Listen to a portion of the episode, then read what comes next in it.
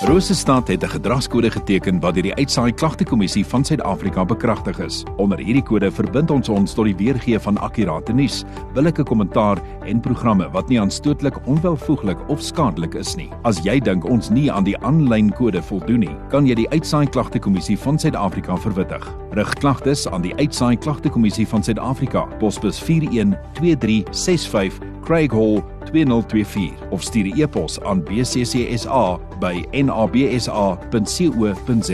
Vir verdere inligting, besoek www.bccsa.co.za. Hier by my in die ateljee vanoggend is Elmarie van der Walt. Sy is van die Aurora Sentrum. Elmarie, goeiemôre. Welkom. Dankie vir jou tyd vir oggend se onderwerp. Baie interessant. Gerda en 'n uh, goeie uh, hartlike goeiemôre aan al ons luisteraars. Nou, Elmarie, elektroniese sigarette of vaping of nou die mm. ander Afrikaanse naam damprook. Ja. Nou, uh, kom ons kyk so 'n bietjie hierso. Nou, vaping, ons praat van vaping want dit ja, wat almal noem ons maar die algemene naam, ja. Uh dit het in 'n baie kort tydperk na van 'n kommerwekkende neiging verander in 'n epidemie wat veral die gesondheid van die jeug bedreig. Ehm um, as gevolg van nikotien en ander chemikalieë wat ook in die vape is. En ek dink baie ja. keer mense besef dit nie. Nee. Nou meer as 5 miljoen, 5 miljoen tieners gebruik e-sigarette of vapes, meer as dubbel die getal as 2 jaar gelede. En ook interessant, een uit elke 4 hoërskoolleerders vape dis tans besig om grootskaalse afhanklikheid van nikotien te veroorsaak. Ja.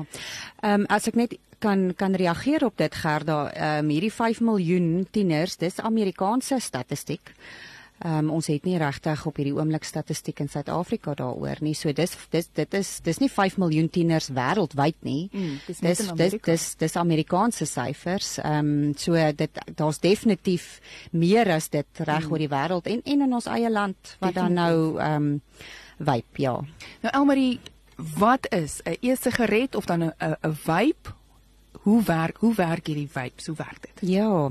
Ehm um, wel ek ek dink baie mense sal nou weet jou e-sigaret of jou vape is 'n elektroniese toestel ehm um, wat 'n vloeistof warm maak en dan 'n gas vrystel.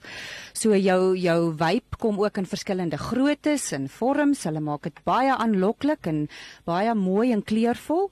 Ehm um, so jou vape het 'n battery in Hy dan ook 'n toestel wat die vloeistof warm maak en dan het hy 'n plekkie waar die vloeistof ingesit word. Ehm um, die e-sigaret produseer dan 'n gas wat deur die vloeistof ehm um, deur die vloeistof wat warm gemaak word en dan gerook word.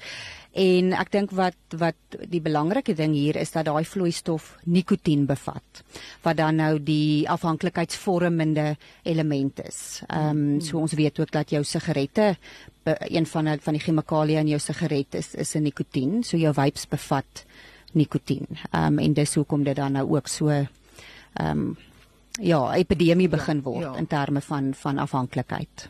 Nou uh Elmarie vaping word dan ook geadverteer as ek kan dit nou na kies die veiliger opsie om ja. sigarette te vervang en selfs 'n manier om op te hou rook want dis wat baie vapers vir my sê. Ja. Hulle vir my nee, ek wil ophou rook, ek gaan eerder vape. Nee, hierdie is veiliger as sigarette. Ja. Is dit waar? dis dis rasionalisasie, dit is wat ons dit noem, is regverdiging.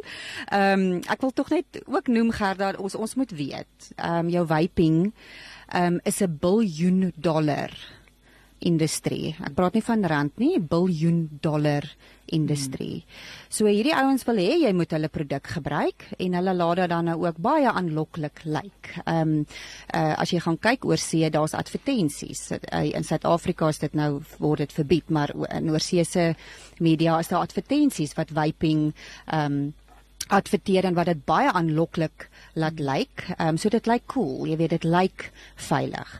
Ehm um, so ons weet jou normale tabakprodukte soos soos ehm um, sigarette bevat duisende verskillende chemikalieë in. Ons het gemiddeld van 4000 plus chemikalieë in 'n sigaret. Ehm um, en nikotien is een van hulle. So nikotien is die is die die die middel wat verslawend is, wat afhanklikheidsvormend is. Ehm um, hierdie chemikalieë is toksies um, in in sigarette. So ons is nie 100% seker presies wat die vloeistof in jou vape bevat nie, maar daar's definitief ehm um, chemikalieë in en daar's definitief nikotien in. So dit beteken ehm um, ons ons weet daar's heel waarskynlik minder chemikalieë in 'n vape as in 'n sigaret, maar dit beteken nie jou jou vape is, is skadeloos of veiliger nie. Ehm um, ons weet ook dan nou dat daar in die afgelope paar jaar van 2020 af duisende mense behandel is, medies behandel is as gevolg van ehm um, uh long longprobleme hmm. wat 'n direkte resultaat is van vaping en dan ook mense wat dood is. Um, as 'n direkte resultaat van van vaping of die skade wat aangerig is. So om jou vraag te beantwoord, dit is nie 'n veiliger opsie nie. Dis 'n plaasvervanger. 'n Plaasvervanger. So gesels Elmarie van der Walt van Aurora wat vanoggend hier in die ateljee is.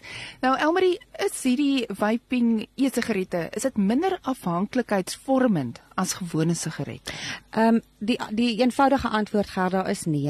Ehm um, soos wat ek nou in die vorige vraag ook gesê het, jou e-sigarette, jou gewone sigarette, jou tabakprodukte bevat nikotien wat so afhanklikheidsvormend kan wees vir party mense soos wat heroïne en en kokain is vir ander mense. Ehm um, so mense dink altyd omdat 'n ding dalk wettig is, hy is minder gevaarlik. Ek sê altyd vir mense gif is ook wettig en jy gaan nie gif gaan drink nie.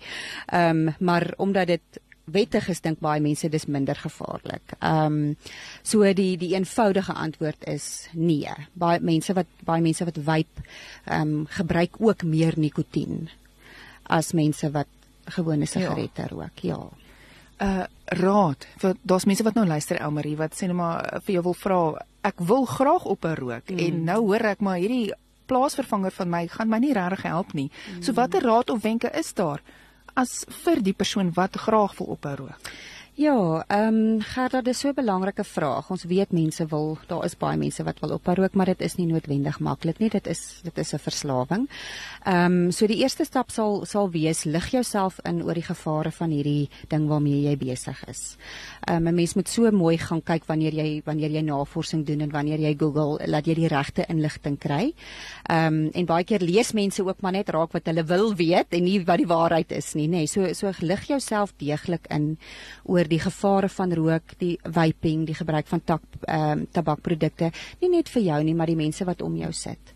Ehm um, wanneer jy vape en en jy eh, blaas daai daai rook uit of daai damp, soos wat hulle dit nou noem uit. Ehm um, en ander mense asem dit in, is dit net so goed hulle mm. hulle asem jou sigaret rook in. Hy so die second hand smoking soos wat ons nou maar praat van dit. So lig jouself deeglik in. En jy moet met jouself eerlik wees, wil jy ophou rook ja of nee? Ehm um, dit begin baie hmm. dikwels daar. Wat ja. is wil jy ophou rook? Ja of nee? As jou antwoord ja is, good for you. Nee, en dan begin 'n ou om 'n plan te maak. Hoe gaan ek dit doen? Ehm um, wanneer gaan ek dit doen? Gaan ek cold turkey gaan? Gaan ek dit stelselmatig begin doen? Ehm um, daar is dokters wat kan help met um, medikasie om jou te help om op te hou rook. So daar's opsies daar buite. 'n Ander belangrike ding, verander jou rookroetine. Ehm um, rokers het rotines. Mm, mm, mm. Ek ek word wakker, ek rook my eerste sigaret of ek vape. Ek drink 'n koppie koffie, ek vape. Ek ehm um, nadat ek geëet het, vape ek. So verander daai rotine, gaan doen iets anders te breek daai daai ehm um, daai daai gewoonte waarmee jy die vape aankoppel. Ehm um, Ja, en dan natuurlik weet ons ouens wat wat ehm um, wil ophou rook, het cravings as gevolg hmm. van die nikotien. So kry dan maniere om om hierdie cravings en goed ehm um, goed te hanteer. Ehm um, raak aktief, kry bietjie oefening, bly besig. Jou liggaam gaan vir jou dankie sê. Ehm um, en as 'n ou besig bly, dan dan staan minder tyd om goed te doen wat jy dalk wil ophou doen. Ehm um, ander belangrike ding is is kry ondersteuning en hulp ehm um, ons praat van 'n accountability partner. So dis iemand met wie jy kan incheck en sê, ehm um, joh, vandag is 'n moeilike dag of ag, hang ek het nou weer gerook of ehm um, ek wil ek het net nodig om met iemand te praat, kan ons kan ons iets gaan doen. So kry iemand wat jou verantwoordelik hou en wat jou ondersteun. En dan hou by jou besluit. Hmm. Dit is so maklik om 'n besluit te maak, maar die dissipline om 'n besluit deur te voer is dikwels die probleem. Dis die probleem. Ja. So ons moet ons moet hou by ons besluite. Hou by jou besluit.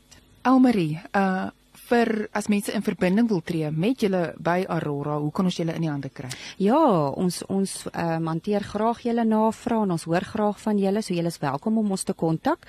Ons landlyn is 051 447 111. Ek gaan net herhaal 051 447 en ons het ook dan 'n WhatsApp lyn 076 4563300. So julle is welkom om ons te kontak om te gesels om te vra. Ons help waar ons kan. Elmarie van der Walt van Aurora, dankie dat jy vanoggend kom gesels het. Dankie dat jy Ja, vir 'n bietjie bietjie inligting kom deel dit ja. met ons want mense weet nie altyd nie wie moet jy glo wat is reg wat is verkeerd hmm. maar as die mense kan met julle in verbinding tree vir meer vrae en as hulle ook hulp nodig het ja. en bystand ondersteuning telefoonnommer 0514474311